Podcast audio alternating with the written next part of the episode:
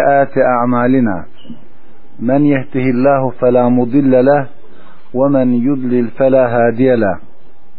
وأشهد أن لا إله إلا الله وحده لا شريك له وأشهد أن محمدا عبده ورسوله. أما بعد فإن خير الحديث كتاب الله وخير الهدي هدي محمد صلى الله عليه وسلم. وشر الأمور محدثاتها وكل محدثة بدعة وكل بدعة ضلالة وكل ضلالة في النار. أعاذنا الله وإياكم من النار. أعاذنا الله وإياكم من النار. Bu benim son sohbetimin bugünkü buradaki son sohbetimin başlığı davetteki öncelik ve tedricilik. Zorlukları ve çözümleri. Davet mevzu ile alakalı meseleleri arkadaşlar işlemiş olmasına rağmen olmalarına rağmen herhalde bana da bu pay İslam daveti ile alaka kurulduğu için bunu düşündük veya böylece düştü. Davetteki öncelik denildiğinde mutlak davet edecek kişinin önceliği, davet edilenin önceliği, davet ettiğin şeydeki öncelik. Bu üçünü de ihata eden, kuşatan bir anlamdır. Eğer tebliğ edenin öncelikli mevzu bahisse mutlak davet ettiği şeyi öncelikli davet edeceği şeyi mutlak iyi bilen birisinin olması gerekiyor. Çünkü davet etme davet etme yükümlülüğünü hissederek kişinin eyleme dönüştürdüğü bir şey değil. Davet ettiği şeyi de çok iyi bilen birisi olması gerekiyor. Ama genel anlamda bize baktığınızda marufu emretme, münkerden alıkoyma, İslam'ı anlatma yükümlülüğünü bir ders esnasında dinleyip kitapta okuyunca hemen kendisinin İslam'a davet etme gibi bir yükümlülüğünü omuzlarında bu ağırlığı hissederek davet et, davet etmeye başlıyor. Halbuki davet etme yükümlülüğü öncelikli davet edilecek şeyi bilenin omuzlarına yüklendirilir. Ondan cahil olan, habersiz olan birisinin katiyetle o şeyi bilmeden evvel bir yükümlülüğü hissetmesi, kendisini mükellef olarak düşünmesi, görmesi öncelikli değildir. İkincisi, davet edeceğimiz şey tabii ki İslam'daki öncelikli olan şeydir.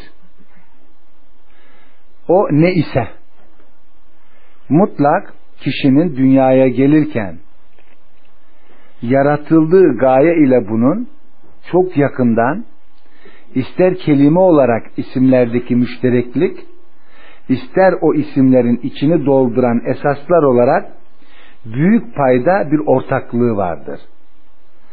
Devamlı tevhid derslerinde arkadaşların tevhidi işleyen sohbetlerinde, derslerinde bunu duyarsınız.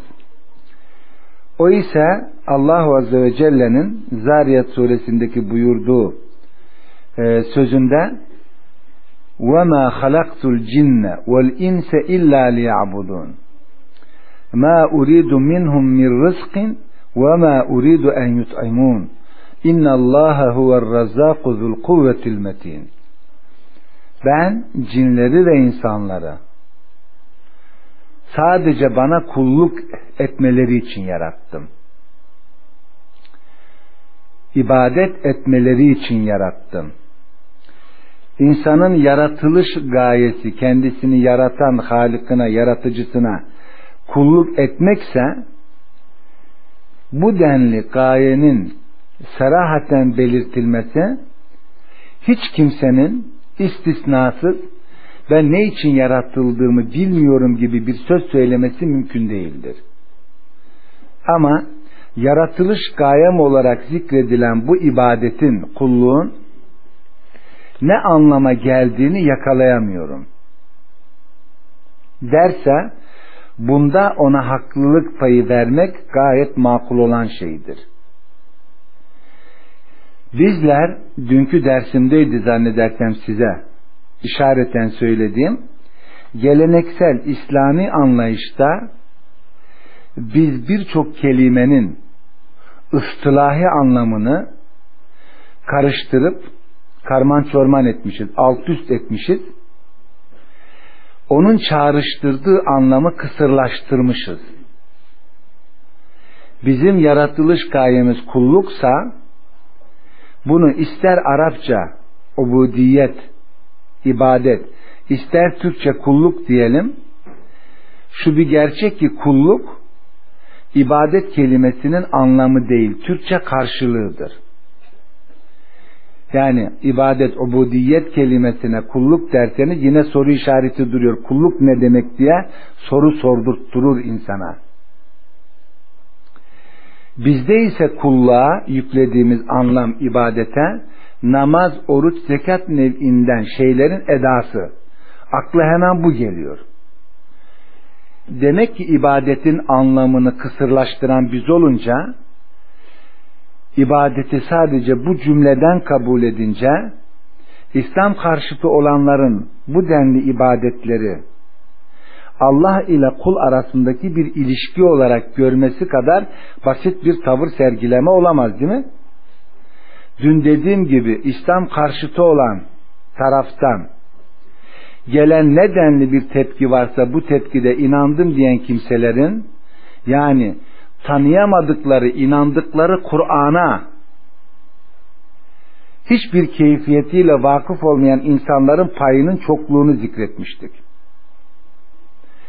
Eğer biz kulluğun içine bu denli birkaç yüz ile doldurmuşsak, namaz kılmak, oruç tutmak, zekat vermek dediysek, hakikaten bu ibadetler görünüşte aslen de olsa, teferruaten de olsa, namaz Allah ile kulluk arasındaki bir eylem ilişkisi doğru. Oruç da böyledir. Haç da böyle bir ibadettir. Zekata hemen bunu diyemeyiz. Zekat senin malından karşı tarafa yardım, muhtaç olan insanların ihtiyacını gidermek olarak verdiğin bir şeydir. Zaten onlar da zekat gibi bir şeyin eylemine Allah ile kul arasındaki bir iş demiyor. O zaman biz yaratılış gayemiz olan, davette öncelikli olan, yani kitapların indir, yaratılış gayemiz, kitapların indiriliş sebebi, Resullerin yollanmış sebebi, yaratıldığımız bu gaye içindir. Ki az sonraki tafsilatta bunu göreceksiniz. Ama ben isterim ki yaratılış gayemiz olan bu kulluğu ismen serahaten bildiğimiz gibi bu ismin içini dolduran müsemmayı, içini dolduran cüzleri de bilmemiz gerekir. Bu cüzleri nedenli istenildiği gibi geniş tut, tutmuş isek anlamı o denli dolu dolu bize yansır. Ne kadar noksan doldurmuş isek anlamı o denli de bize noksan akseder. İbn-i Teymiye Rahimahullah Allah kendisinden razı olsun El-Ubudiye isimli risalesinde kulluğu tarif ederken hakikaten özlü veciz cümlelerle kelimelerle kurduğu cümlede diyor ki kulluk zahiri ve batini, ameli ve kavli her şeye cami bir isimdir diyor.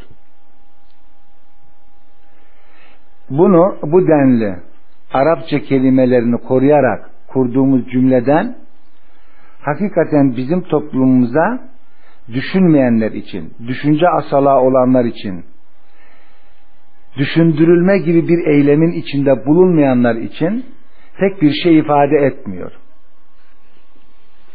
Yani zahiri ve batini, ameli ve kavli Allah Azze ve Celle'nin razı hoşnut olduğu her şeye cami bir isimdir dediğinizde bazen arkadaşların da sıkça kullandığı gibi bu arkadaşların anlayabildiği bir cümle değil. Verileni anlamıyor. Belki bazen haklılar ama ben her zaman haklı olduklarını düşünmüyorum. Ama şu bir gerçek ki genelin anlaması gerektiği bir şeyi, yaratılış gayesi olan bir şeyi hakikaten pürüzsüz algılayabilecekleri bir üslup, sadeliği içerisinde sunmak lazım. Bunun için biz bu gibi dersleri işlerken kulluğun Türkçe tarifinde diyoruz ki insandan, insanoğlundan düşünce, söz, kasıt ve fiil olarak sudur eden her şeyin tek adıdır kulluk. İnsandan düşünce olarak, söz olarak, kasıt, kalbin amelleri, fiili, kastı, niyeti bunu demek istiyoruz. Fiil olarak sudur eden her şeyin tek adıdır kulluk. Genel anlamdaki bu tarifi ne demek? Demek ki insanoğlundan sudur eden ne varsa düşünce olarak düşünce bir kulluk eylemidir. Ayette zikrettiği gibi söz bir kulluk eylemidir. Söylediğiniz sözler her nevi ve çeşidiyle kasıt kalbi amellerinizin kastı, muradı, niyeti bir kulluk eylemidir. Fiil olarak sizden sudur eden her şey, bir yetimin ensesini dahi okşamanız bir kulluk eylemidir. Yüzünüzdeki tebessüm bir kulluk eylemidir. Ağzınızdan çıkan hoş bir söz bir kulluk eylemidir. Hatta hadis-i şerifte sizin eşlerinizle münasebe cinsiyetiniz dahi cinsiyeniz dahi kulluk eylemidir, sadakadır diyor. Sahabe bu ifadeye taaccüp ederek diyor ki ey Allah'ın Resulü insanın şehevi arzularını tatmine çalışması nasıl bir sadaka kulluk eylemi olur ki diyor. Sizin bunu haramdan telafi etmeniz nedir? Günah olan bir eylemdir. Ha, genel anlamında şeytana takdim edilen bir kulluktur. Sakın haram ve helalde şeytana tabi olmayın, zira ona kulluk etmiş olursunuz diyor. Bu anlamdaki bir kulluğun tarifi bize şunu anlamayı sağlar. Demek ki insanoğlu rastgele düşünen, rastgele konuşan, rastgele kalbi niyeti olan, rastgele fiilleri olan bir varlık değil. Ağzından çıkan kelime ya tuğba ağacının çekirdeğidir ya da zakkum ağacının çekirdeğidir. Ee, hareketiyle tahkir edici nitelikte işaretleri böyle dişi. Birisinin ensesini okşaması tebessüm edişi bunlar mutlak ve bizim mutlak ve mutlak bizim amel hanemize. Ya hayır ya da şer. Ya günah ya da sevva, sevap niteliğinde yazılan şeylerdir. Binaenaleyh bu gibi bir kulluk anlayışı bizim devamlı müteyakkız, uyanık, rastgele bir söz söylememe gayreti içerisinde olmamızı sağlar. Çünkü bizim hiçbir şeyimiz yoktur ki o bir kulluk eylemi olmasın. Tabii ki bunu bu anlamda ifade ederken daha yukarılardaki elde ettiğiniz malumat ile karşılaştırarak peki bunların Allah'tan gayrına takdimi şirk mi olur gibi düşünceyle zihninizde hemen soru oluşturmaya kalkmayın. Önce kulluğu geniş anlamı fıtri bazda ele almanız gerekir kulluğu. Yani öncelikli olarak bizim yaratılış gayemiz bu ise davetteki öncelik bu ise davetçinin öncelikli olarak bilmesi bu ise mutlak bizi bunun bilmemiz gerekir. Herhalde birkaç ayetin zikri bu meseledeki bizim kanaatimizi yani bu meselenin doğruluğu hakkında selametli bir bilgiyi yeterince vermiş olur. Allah Azze ve Celle Kur'an-ı Kerim'de diyor ki وَلَقَدْ بَعَثْنَا ف۪ي كُلِّ اُمَّةٍ رَسُولًا اَنِ اَعْبُدُ اللّٰهَ وَاجْتَنِبُ الطَّاغُودِ Biz her ümmete bir nebi yollayarak onların davet ettiklerini tek olan Allah'a kulluk etmelerini ve tağutlara ibadetten sakınmalarını emretmiş olmasınlar diyor.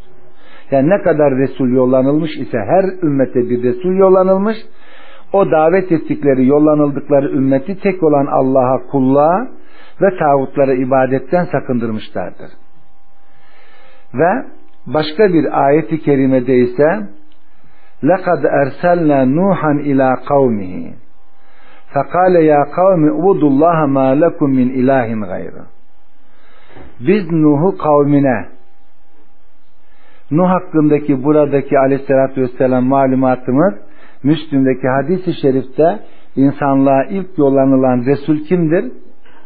Nuh aleyhisselamdır. Biz onu kavmine şöyle demesi için yolladık. Ey kavmim! Allah'a kulluk edin zira sizin ondan başka bir ilahınız yoktur. Arkasından ve ila adin ahahum hudan Ad kavmine de kardeşleri Hud'u yolladık. Onlara şöyle desin diye aynı ifade. Ey kavmim Allah'a kulluk edin zira sizin için ondan başka bir ilah yoktur Bu cümlede cümleden zikredilen e, ayet-i kerimeler Resul'e kadar dayandığında وَمَا اَرْسَلْنَا مِنْ قَبْلِكَ مِنْ رَسُولٍ اِلَّا nuhiye ileyhi ennehu yuha ileyhi ennehu la ilahe illa ana fa'budun biz diyor senden önce ne kadar Resul Resul yollamış isek onlara şöyle vahyedildi. Benden başka ibadet edilecek bir ilah yoktur. Bu gösteriyor ki umuman Resullerin geliş maksadı Allah'a kulluğa davet etmektir. İlk başta okuduğumuz ayet-i kerimede de anladığımız ne? Bizim kulluk için yaratılmış olduğumuzdur. O zaman kulluğun bizim tarafımızdan çok iyi bilinmiş olması gerekir ki yaşayalım. İstenildiği gibi eda edelim. Çok iyi bilelim ki insanları ilk davet ettiğiniz şey o olsun. Resullerin daveti bu merkezli olduğu gibi dün münasebetine bina, binaen zikretmiştim. Muad İbni Cebel'in bir davetçi olarak Resul'ün ümmetinden birisini davetçi olarak yollarken yollarken ona dedi ya Muad inneke te'ti kavmen min ehlil kitabi. Evvele ma ted'uhum ila en yuvahhidullaha ev ila en ya'budullaha. Maaz dikkat et. Sen ehli kitap olan bir kavme gidiyorsun. Rastgele bir topluluğa gitmiyorsun Hicaz ehli gibi bir müşrik toplumuna cahil, ümmi bir topluma gitmiyorsun. Sen kitap ehli bir topluluğa gidiyorsun. Onları ilk davet ettiğin şey Allah'ı birlemeleri yani ona kulluk etmeleri olsun diyor. Hadis-i şerifin devamında gerçi bunu tedricikte, tedricilikte vermek gerek gerektiğini zikretmem gerekir ama belki öncelikliliğini, öncelikliliğini anlatabilmek için iyi bir örnek olur.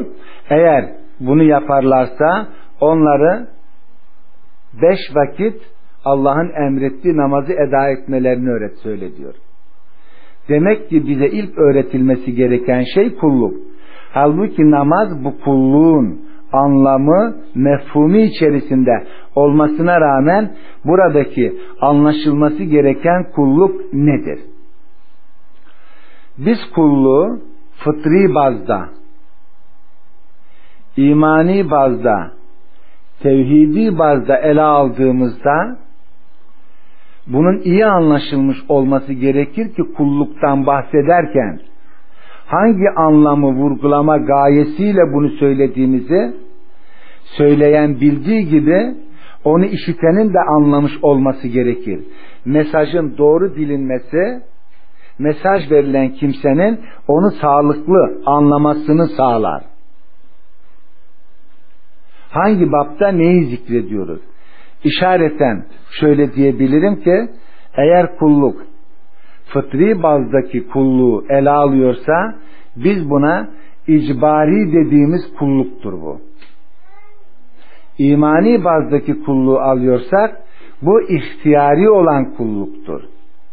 Kendi seçimimizle gündeme getirdiğimiz bir kulluktur. Kur'an'da zikrettiği gibi Allah'ın yaratmış olduğu her şey tav'an ve kerhen. İsteyerek, istemeyerek.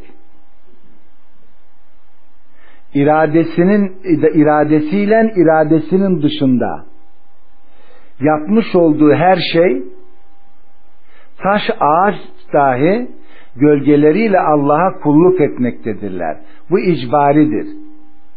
İnsanda düşünüldüğünde İbn Abbas'tan gelen rivayetteki verilen örnek insanın namaz kılmadığı halde ihtiyari kulluğu eda etmediği halde icbari kulluğu gölgesinin secde etmesidir diyor. Eğer imani bazdaki kulluk gündemde ise onu biz imanın cüzleri olarak ele alırız öncelikli olarak.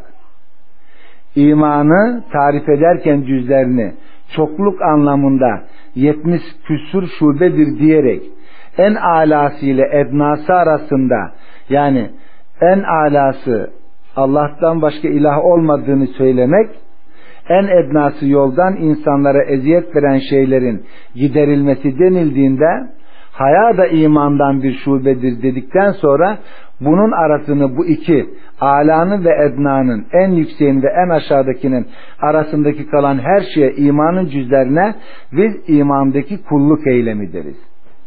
Ve bunların hepsi ihtiyaridir emredildiği gibi, tarif edildiği gibi, istenildiği gibi eşkali şekli, zaman ve vaktiyle nasıl emrolunmuş isek, öyle eda edilmesi gerektiğini bilmemizdir. Eğer biz kulluğu tevhidi bazda ele alıp bunu anlatmak istiyorsak, ki az önceki zikrettiğim Muaz'ın hadisinde iki ifade şekli gelir. Bunlar birbirini nakzeden, birbirine ters düşen ifade değil. Birisinde Allah'ı birlemelerini emret. Birisinde Allah'a kulluk etmelerini emret, söyle, ona davet et. İlk davet ettiğin şey bu olsun derken bu amlı yani genelliliği ile hususiliği arasında aslın ve cüz'ün zikredilmesiyle bir izah niteliği taşır. Allah'a ibadet etmeye çağır deseydiniz genel anlamda kalırdı. Ama Muaz'ın gitmiş olduğu ehli kitap dediğimiz toplulukta küfür denilen müşkülat değil, şirk denilen müşkülat gündemdeydi. Ey kitap ehli aramızdaki müşterek olan söze, değere gelin denildiğinde arkasından tek olan Allah'a kulluk edelim ve birbirimizi Rablar edilmeyelim derken bu uluhiyet tevhidindeki bir meseleyi beyan etmekte. Onun için eğer biz kulluğu ibadeti tevhidi bazda düşünüyorsak onun anlamı Allah'ı birlemektir. Yani imani bazda kulluk eylemi Allah'ı bilmek anlamında ele alınırsa cüzleriyle tevhidi bazda Allah'ı bir, birlemek anlamında ele alınır.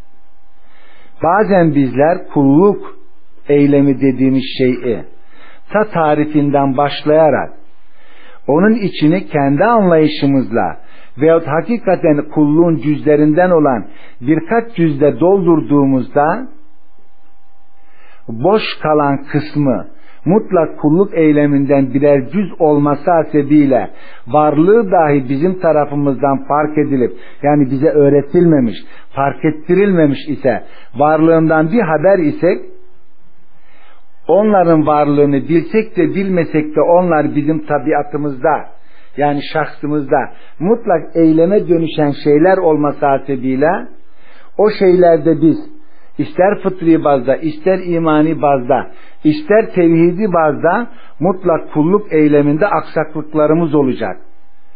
Orada Allah'a iman bazında, Allah'ı dinleme bazında yapılması gereken şeylerden gafil kalacağız ki yani düşünmeden ne gibi şirk ve küfür işlediğimizin farkında olmayacağız.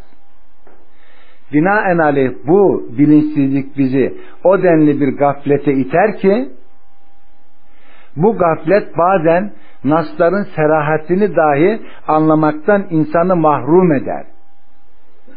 seraheten anlaşılmış. Yani Mekkeli topluma Allah Resulü Allah'tan başka ilah yoktur deyin denilince Mekkeliler ne anlamıştı bunu? Yani bir sürü bu efendilerimizi terk edip yani onları takmayacak mıyız? Tek bir ilaha mı kalacağız? Tek bir efendiyle mi yetineceğiz?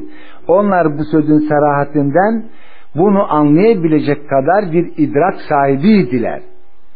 Ama bazen bizler Mekkelilerin şirk ehlinin küfürlerini tevhidi bazda gündeme kulluk eylemi olarak getirdiğimizde karşıdaki Allah'ın kitabına inandığını söyleyen insanın hayretle, dehşetle bize baktığını ve somurttuğunu görürüz. Eğer onun bu halini seslendirmesini istediğinizde nasıl olur diyor sen müşrikler için inen ayeti bize mi kullanıyorsun? Tabii ki bu ayeti kerime Allah'a inandığı halde tevhidi bazda kulluğu gerçekleştiremeyen, bu gerçekleştirmede müşkülatı olan insanlara inen bir ayettir. Bu denli arıza ve müşkülatlar kimde bulunursa bu ayetler onlara söylenilir. Uyarmak için yani uyandırılmak için. Ama o denli bir gaflet içerisindedirler ki, uykudadırlar ki kendilerini uyanık zannederek seni muhatap edinirler. Uyuyan bir kimsenin kendisini uyanık görmesi kadar aptalca takınılan bir tavır yoktur. Kaldı ki bizde gafletle göze çarpan bu dehşetli olay Mekkelilerde samimiyetlikleriyle örtülen bir olay olarak gündeme gelir. Daha önce tevhid derslerinde de mutlak gördünüz. Ee, arkadaşlarım dersleri vasıtasıyla ve okuduğunuz kitaplar vasıtasıyla Mekkelilere neden bunları Allah'tan gayri ilah edindiniz denildiğinde Mekkelilerin sözü Allah'a daha çok yaklaşabilmek, yakın olabilmek için bunu yaptıklarını söylerler. Burada gaflet değil, bir bilinçsizlik yatır. Bilinçsizliğin mazereti mümkündür. Ama gafletin mazereti mümkün değildir. Onun için bu denli bir mukayese ortamında Muhammed bin Abdülvahhab'ın Allah rahmet etsin kendisine Keşf-ı Şubahat isimli kitabında zamanımız müşriklerinin Mekke müşriklerinden daha pislik içerisinde olduğunu görmekteyiz diyor. Örnek olarak diyor ki Mekke müşrikleri yani tevhidi bazda kulluk eylemini gerçekleştirmede bazı müşkilatları olan Mekkeliler gemiye binip denize açıldıklarında fırtınaya yakalandıklarında Allah'tan başka hiçbir efendinin kurtaramayacağını anladıkları an ihlasla, samimiyetle ona yönlenip kurtarmaları için dua ediyorlar ve iltica ediyorlardı sıkıntı anında. Ama rahat ve huzura kavuşup karaya indiklerinde tekrar Allah'a ortak koşmaya devam ediyorlardı diyor. Ama zamanımız müşri bırak rahat ve huzuru karıştırmayı sıkıntı anında bile Allah'a değil medet ya Abdülkadir Geylani medet ya Ab yani Ahmet Bedevi diyerek sıkıntı anında bile onlara iltica ediyorlardı diyor. Mekkeliler rahat ve huzur içerisinde Allah'a ortak koşuyorlar. Sıkıntı anında ona iltica ediyorlar. Bizimkiler zamanımız müşriklere sıkıntıda da rahatta da Allah'a Allah'a ortak koşup Allah'tan gayrına iltica edip sığına biliyorlardı. Burada öncelikli kelimesini yani davetteki öncelik derken ben burada tutup tutup tevhidi bir bazda size ders yapmayı düşünmedim. Ama öncelikli olarak bizim yaratılış gayemiz olan kulluğu, kitapların indiriliş gayesini, hedefini, nebilerin yollanılma gayelerinin ve nebilerin ümmeti olan, varisleri olan insanların tebliğci olarak yollanıldıklarında da ilk emredildikleri, ilk davet etmek istedikleri kulluğu anlatmaktır. Binaenaleyh bu önceliklik neyi ister? neyi gerektirir? Önce az önce sadece başlık olarak girdim. Kulluktan bahsederken neyin anlatılmak istenildiğini, neyin vurgulanmak istenildiğini yakalamamız gerekir. Kur'an'da bazen bu ayetlerin yerlerine göre serpiştirildiğine dikkatimi yani dikkatimizi yoğunlaştırırsak mesela Bakara'daki bir ayet-i kerimede ya eyyuhen nas ey insanlar u'budu rabbakum Rabbinize kulluk edin. Hangi Rabbe? Ellezî halakakum vellezîne min kablikum leallekum tettekûn. Sizi ve sizden öncekileri de yaratan Rabbinize kulluk edin ey insanlar diyor. Burada umuman insanlığın davet edildiği kulluk Rabbe davet ediliyor ki bunu devamlı vurguladığımız bir esastır. Sizi ve sizden öncekileri de yaratan Allah'a kulluk edin diyerek her ne kadar Rab'dan kastedilen Allah ise Allah'a kulluk edin diyerek Türkçe'ye aktaramayız. Görünüşte aynı şey olmasına rağmen sizi ve sizden öncekileri yaratan Rabbinize kulluk edin ifadesiyle sizi ve sizden öncekileri de yaratan Allah'a kulluk edin ifadesi yanlıştır. Neden? Sizi ve sizden öncekileri yaratan Rabbinize kulluk edin derken burada bizden istenilen kulluğu bu kelimeyle biz yakalayabiliriz. Burada bizden istenilen nedir? Fıtri bazdaki icbari dediğimiz kulluk. Nasıl olsa kulluk yapmaktasınız. Herkes bir Rabb'a yönelmiş onun kulu olmaya çalışıyor. Ama siz sizi ve sizden öncekileri de yaratan Rabbinize kulluk edin diyor. Bu ayet-i kerimedeki vurgulanmak istenilen kulluk ile devamını okuduğumuzda göreceksiniz şimdi.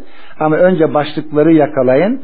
Başka bir ayet-i kerimede de وَعْبُدُ ve la tuşriku bihi şey'en. Buradaki muhatap belli değil. Doğru. Cemi müzekker muhatap ama kimi kastediyor? Muhatabı kimler? Ey insanlar deyip muhatap belir, e, belirli değil burada. Bu ayet-i kerimenin ilk muhatabı olan Mekkelilerdir.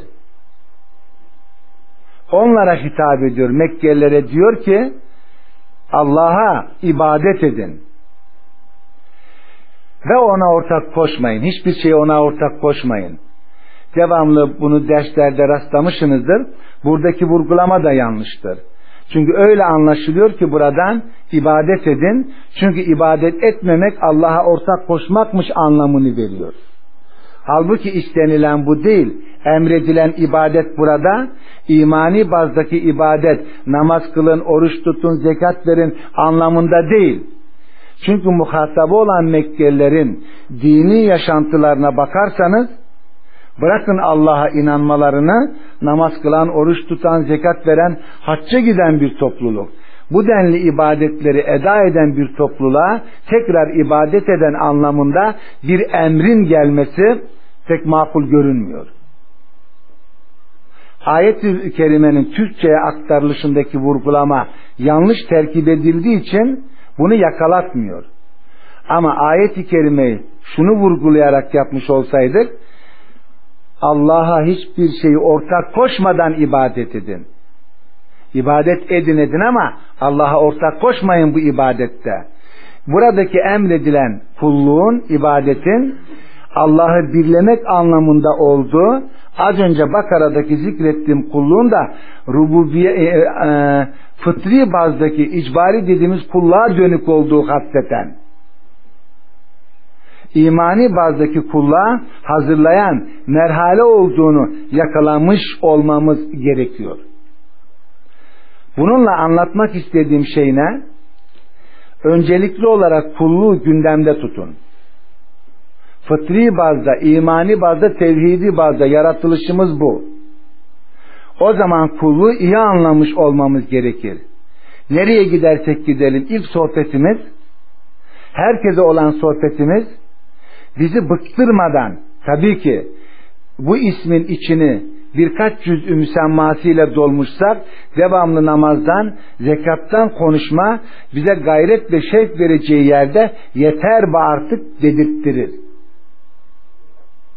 Halbuki kulluğu isim olarak bütün müsemmasıyla doldurmuş olsaydık, düşüncemizin her şeklinin, sözlerimizin hepsinin, kastımızın hepsinin, fiillerimizin hepsinin bir kulluk eylemi olduğu idrakini yakalamış olsaydık, namaz bütün bu ibadetlerden hulasalı olarak kendimizi dinlendirdiğimiz, bütün akşama kadar yapmış olduğumuz kulu özü olarak yoğunlaştırdığımız, yani sizin 100-200 tane koyundan süt sağıp, bunları toplayıp, süzüp, kaynatmanız, soğutmanız veyahut yoğurt yapmanız, arkasından bunu yağ dediğimiz şeyi çıkarmanız merhalesini düşünürseniz namaz bu denli bir kulluk eylemi olur.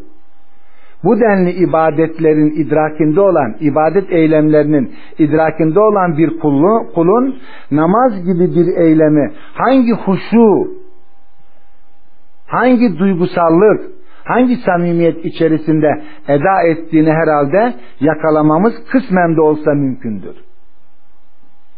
O zaman konuşan arkadaşların, ders yapan arkadaşların, yazan arkadaşların bazen benim arkadaşlar bilir tercüme kültürüne karşı olduğum bazı toplumlarda işlerlik kazanan kazanan onların toplumlarının müşkilatlarına dönük telif edilmiş eserler başka bir topluma aktarıldığında cetvel misali ezbercilikten öte gitmiyor. Geleneksel yapıda bizim çocuklarımızı eğitimde güya babaların vazifesi olarak düşündüğü, onu yapmakla bu görevi eda ettiklerini zannettikleri çocuğu götürüp bir hocanın eline veriyor. İmanın şartı altıdır, İslam'ın şartı beştir, namazın farzı şudur, abdestin farzı şudur diye bunları öğretmenin İslam'ı öğretmek olduğunu zannetmeleri gibi. Katiyetle bu kelimeleri, cümleleri cetvel şeklinde ezberleme, katiyetle İslami öğrenme anlamı taşımaz. Bunları bilmek de birisinin katiyetle yükümlülüğünü eda ettiğini, birisinin yükümlülüğünü eda ettiğini göstermez. Aynı kültür bizde, yani ne gelirse gelsin, Alaturkacılık zihniyeti içerisinde bizim tabiatımıza, mizacımıza, anlayışımıza uydurma eylemi bizde var. Tevhidi de tevhid üç kısımdan ibarettir. Rububiyet tevhidi, isim ve sıfat tevhidi, uluhiyet tevhidi diye cetvel şeklinde bunu öğrenmemiz, öğretmemiz katiyetle tevhidi belki kabul ettiğimiz anlamını ifade eder ama tevhidi anlayıp yaşadığımızı göstermez. Bunu bilmenin bizi selamete ulaştıracağını da düşünmüyorum. Bu bilgiyi yani cetveli biz hangi anlamda kullanırız? Terkibi üzere terkibini yani tasnifiyle öncelikli veyahut sonralıklı neleri bilmemiz ve o bilmemiz gereken şeyleri öğrenmekle mümkün olduğunu yakalamaktır. Ve arkadaşların yapmış olduğu sohbetlerde her sohbette mutlak bu kulluğun eyleme, bu kulluğun ders olarak işlenilmesi, bizi gördüğünde birisi mutlak kulluk aklına gelmelidir. Kulluktan anlayamadığı bir cüzü sormalıdır. O mevzuda öğrenmek istediği bir şeyin bilgisini bizden istemek olmalıdır. Biz ne kadar yaratıcımıza kulluğu gündemde tutuyorsak, bu ismen tutuş değil, ismen cetvel olarak bunu öğrenmek kolay ama müsemma olarak içini dolduran ve bunun o kadar geniş kapsamlı olduğunu yakalamak mümkün mü bu kulluk anlamı anlayışı içerisinde insan düşündüğü şeyi rastgele düşünsün. Söylediği sözü rastgele söylesin. Kastettiği şeyi rastgele talep etsin. Amele intikal ettirdiği bir şeyi rastgele yapsın. Artık bunları düşünerek müdriki yani anlayan birisi olarak yapması gerektiğini bilir. Çünkü bunun lehte ve aleyhte işlediğini bilir. Bunun için biz fıtri bazdaki icbari dediğimiz kulluğun yapısını kendimizde yakalamamış, yakalamış olmamız gerekir. Bu ne anlama gelir? Kulluk, e, fıtri bazda kulluğu tarif edersek, insan oğlu aynen bir trenin veya tramvayın rayları üzerine oturtulduğu gibi kulluk eylemi üzerine oturtulmuştur. istese de istemese de bu fiillerin eylem dediğimiz fiillerin failidir. Aynen yeme içme fıtri bazda bizim tabiatımızın bir ihtiyacını giderme eylemi tabiaten bizim bir ihtiyacımızı giderme eylemi değil midir? Her halükarda yiyeceksiniz. O zaman yeme içme bir kulluk eylemi. Ama kimin için bir kulluk eylemi? Tercihi bazda yani ihtiyari bazda bizim elimizde. Elimizdedir.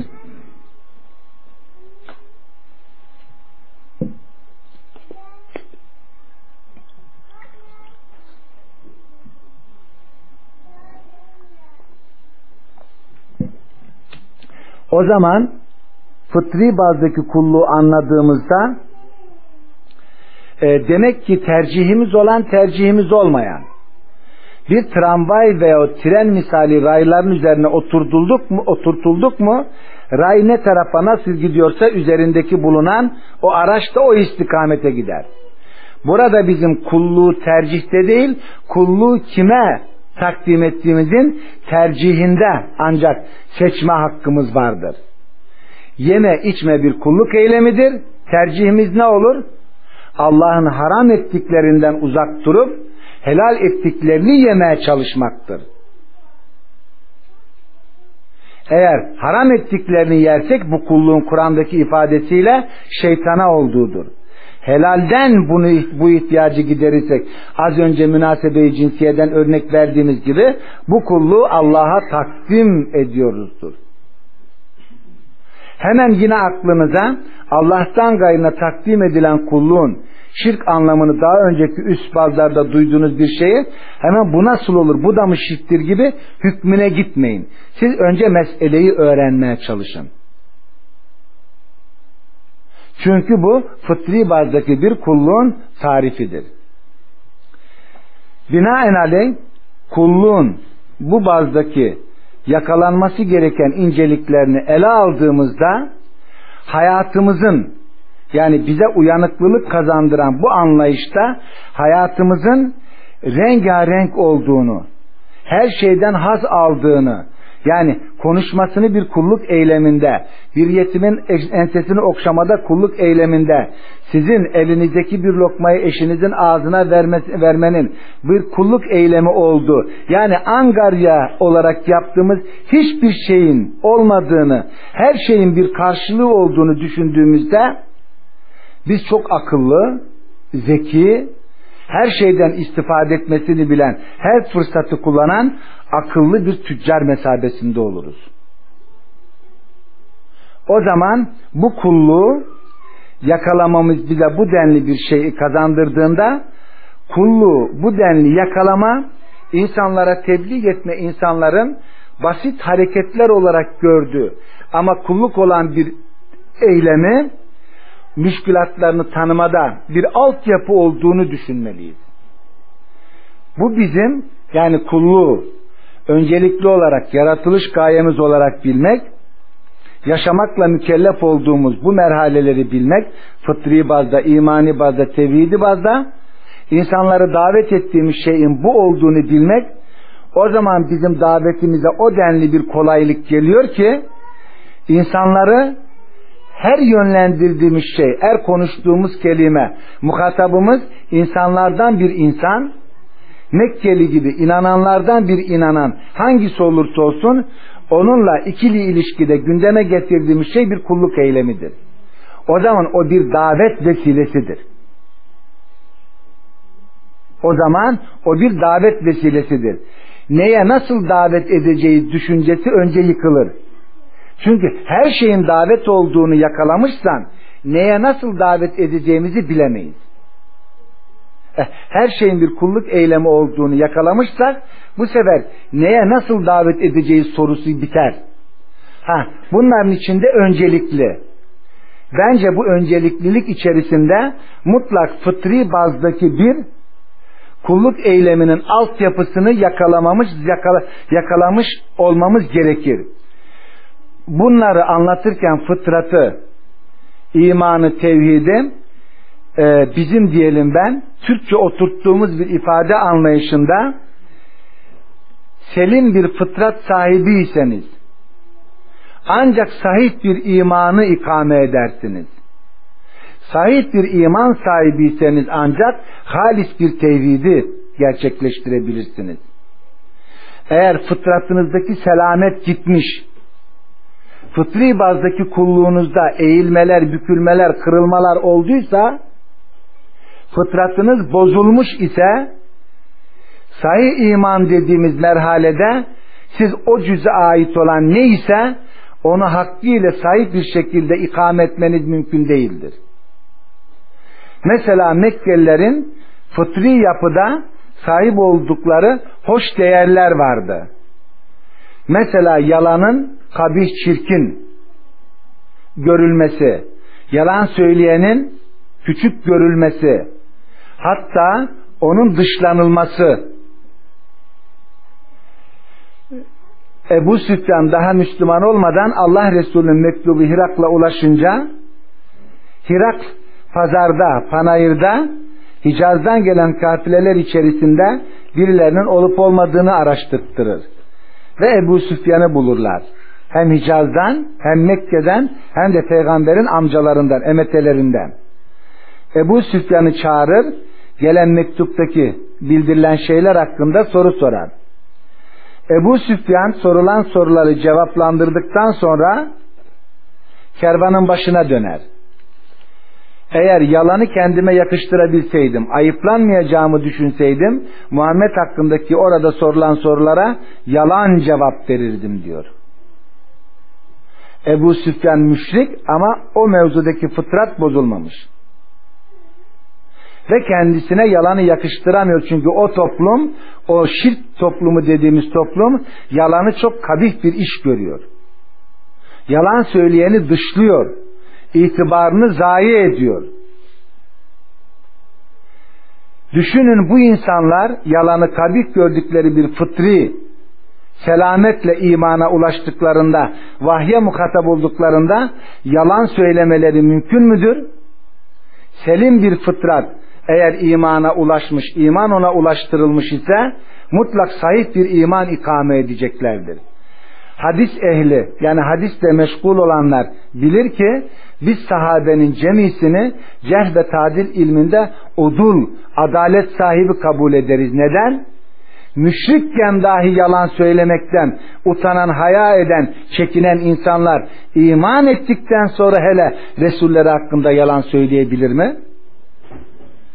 Vermek istediğim örnek bu. Eğer fıtratı bir selametlice zayi etmeden, bozmadan iman merhalesine ulaştırmış isek mutlak sahih bir iman ikame edilir.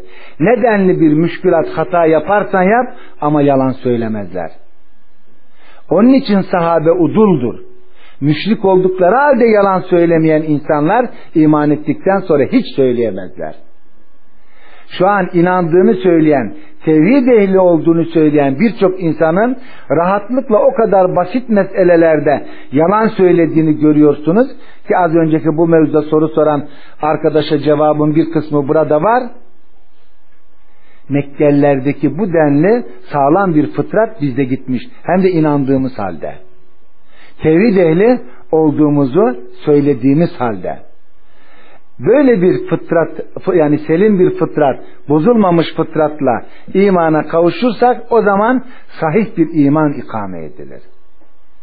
Sahih bir imandan sonra da ancak halis bir tevhidi gerçekleştirmek mümkündür.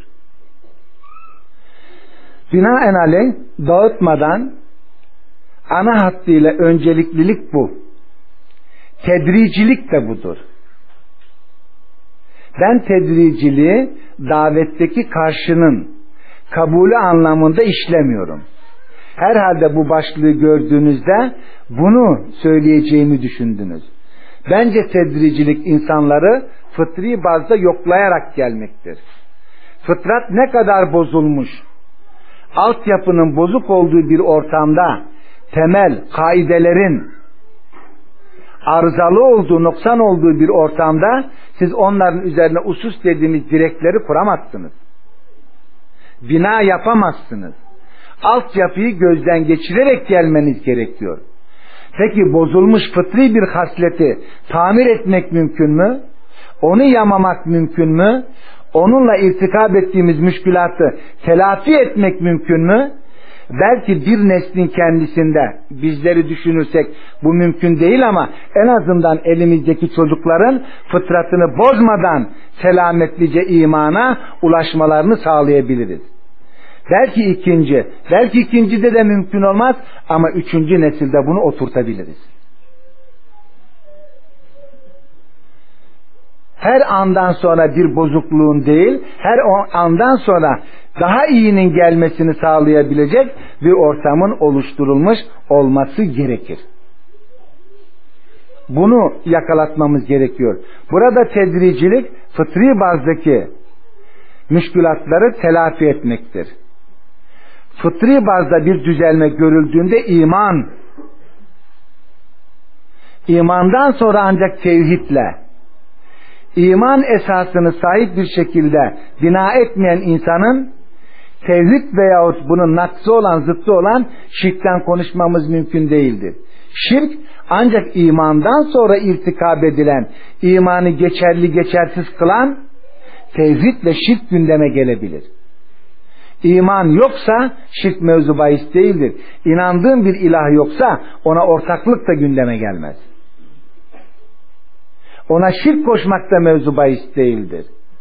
Binaenaleyh şirk ve küfür bu noktada yine zikrettiğim sair kelimeler gibi tek anlama delalet eden müşterek anlamlı, müteradip anlamlı kelimeler gibi kullanılması bize birçok şeyi yanlış anlamamızı sağlıyor. Hoş bazen denilebilir.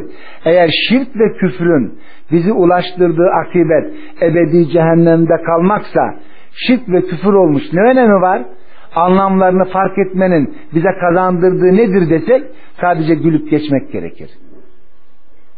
Belki akibet olarak ikisinin de bizi götürdüğü nokta ebedi ateşte kalmak ama şirk ve küfrün nerelerde nasıl vuku bulduğunu ayırt edemezsek büyük yanlışlıklar olur. Tasavvufun içinden gelen İbn Kayyim el-Cezuye rahimahullah Allah kendisine rahmet etsin. Yaşadığı o toplumda, içinden geldiği toplumdaki vuku bulan şirk eyleminin bahametini yakalamış, tevhid ehlinin bazı noktada ayırt edemeyebileceği müşkülatları ifade edebilme kastıyla tevhide yeni bir tarif katan ilim ehlindendir. Onun tarifinde tevhidin e, tevhidin tarifi şöyle bir ziyadelik kazanır. Et-tevhidu huve tefriku beynel halik vel mahluk. Tevhid mahluk ile halikı ayırt etmedir der. Bu kime reddiyedir? Ha? Vahdetil vücutçularadır. Çünkü onlar alemi tek görmek varlıkta birliği tevhid kabul ediyorlar. Ayrımı şirk görüyorlar. Aynen Füsusul İkemdetil Mesani'nin dediği gibi. Ve İbn Kayyım buradaki dikkati yoğunlaştırmak için tevhid Halik ile mahluku ayırt etmektir diyor.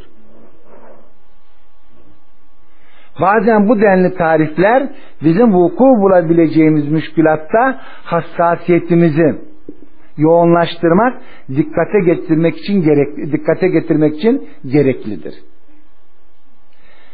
O zaman bu denli sohbetlerin dışında kalan mahalli derslerde arkadaşların mutlak tevhidi iyi öğrenebileceğini düşündüğü kimselerin derslerine gidip hasreten kişisel şahsi bazda bir gayret sarf edip bulunduğu yerdeki arkadaşlara bu öğrendiklerini devamlı gündeme getirerek öğretmeye çalışması ne kadar tekrarı olursa olsun hiç önemli değil. Devamlı Kur'an'ı hatmetme tekrar değil. Bir önceki okuyuşundaki yakalayamadığını yakalamaya çalışmak. Bir önceki yakaladıkların üzerine farklı bir fıkhi, tefakku, anlayış açılışını yakalamak. O gayretin akabinde Allah'ın sana Allah'ın kitabında tefekkuh etmeni, etmeni ihsan etmesidir. Onun için hiçbir zaman hele tevhidi bazdaki derslerin tekrarı yorucu değildir. Her seferinde insana haz verir. Aynen günlük birkaç kere yiyip içmemize rağmen yemekten bıktığını söyleyen insanlar göremezsin. Devamlı yemek yapmaktan bıkanı görürsün ama yiyenin hiç de bıktığını göremezsin. Fıtri ihtiyaç olarak yemekten bıktığını söylemeyen birisi yine fıtri ihtiyaç olarak imanın gereği olarak tevhidden, imandan, akide derslerinden bıktığını söylemesi söylerse onda bir arızanın ve müşkilatın olduğunu düşünmeliyiz. Binaenaleyh benim bu mevzuda davetteki öncelik tedricilik de anlatabileceklerim bu. Zorlukları ve çözümlerine gelince yine ben aynı şeyin üzerinde bu içinde aynı şeyin içinde bunu sundum. Eğer fıtri bazdaki kulluğu, imani bazdaki kulluğu, tevhidi bazdaki kulluğu öğrenmemiş isek çöz, e, çözümsüzlükler buradan gelir. Müşkilatlar buradan gelir. Bu müşkilatları da biz çözemeyiz. Ne kadar hal çaresi üretirseniz üretin, o hal çareleri çözüm olmaz. Müşkülata müşkülat katar. Neden? Mesela biz çokça deriz. Bütün cemaatler, yeni kurulan bir cemaat, yeni oluşturulan bir cemaat, devamlı kendinin dışındaki cemaatleri tenkit eder. Parçalanma unsuru olarak gösterir. Dün de kardeşimizin dediği gibi acaba biz bir parçalanma unsuru muyuz? Biz de mi bir fırkayız? Bunu düşünmemiz gerekir. Eğer biz de bir fırka oluşumu içerisinde anlattıklarımızda bunu söylüyorsak o zaman fırkacılığı tenkit etmemizin anlamı kalmaz. İşte bazen müşkülatlar böyle üretiliyor. Üreten biziz. Fırkacılığa karşıyız ve bir fırkacılık oluşturuyorsak bu müşkilatı üreten biziz. Binaenaleyh benim derslerimde arkadaşlara sıkça zikrettiğim şey biz bir cemaat değiliz. Bir cemaat de olmaya çalışmıyoruz. Biz bir dinin müntesipleriyiz.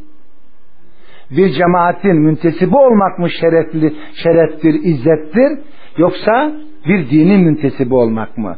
Bizim selefimiz cemaati akidedeki birlik, akidedeki vahdet için kullanmıştır. Akide kitaplarını okursanız cemaatçiliğin ne anlama geldiğini söyler. Cemaatçilik gruplaşmak değildir. Zannedersem kardeşlerimizden birisi onu dün mü işledi? Bizim yardımlaşmak için bir araya gelmemiz hizipleşme, gruplaşma değildir. Biz ancak yardımlaşmak için bir araya geliriz. Ve herkes bizim davetimizin muhatabıdır. Öyle bir kucak açmalıyız ki herkes o iki kolun arasına girsin. Hatalarıyla, yanlışlarıyla. Biz hataları takdir ve e, doğruları takdir, hataları tasih etme göreviyle yükümlüyüz. Hiçbir kimseyi hatasıyla alıp yerin dibine geçirme gibi bir salahiyetimiz yoktur. Evet Rabbim bize hakkı hak göstersin, ona uymayı nasip etsin batılı da batıl göstersin ondan sakınmayı nasip etsin.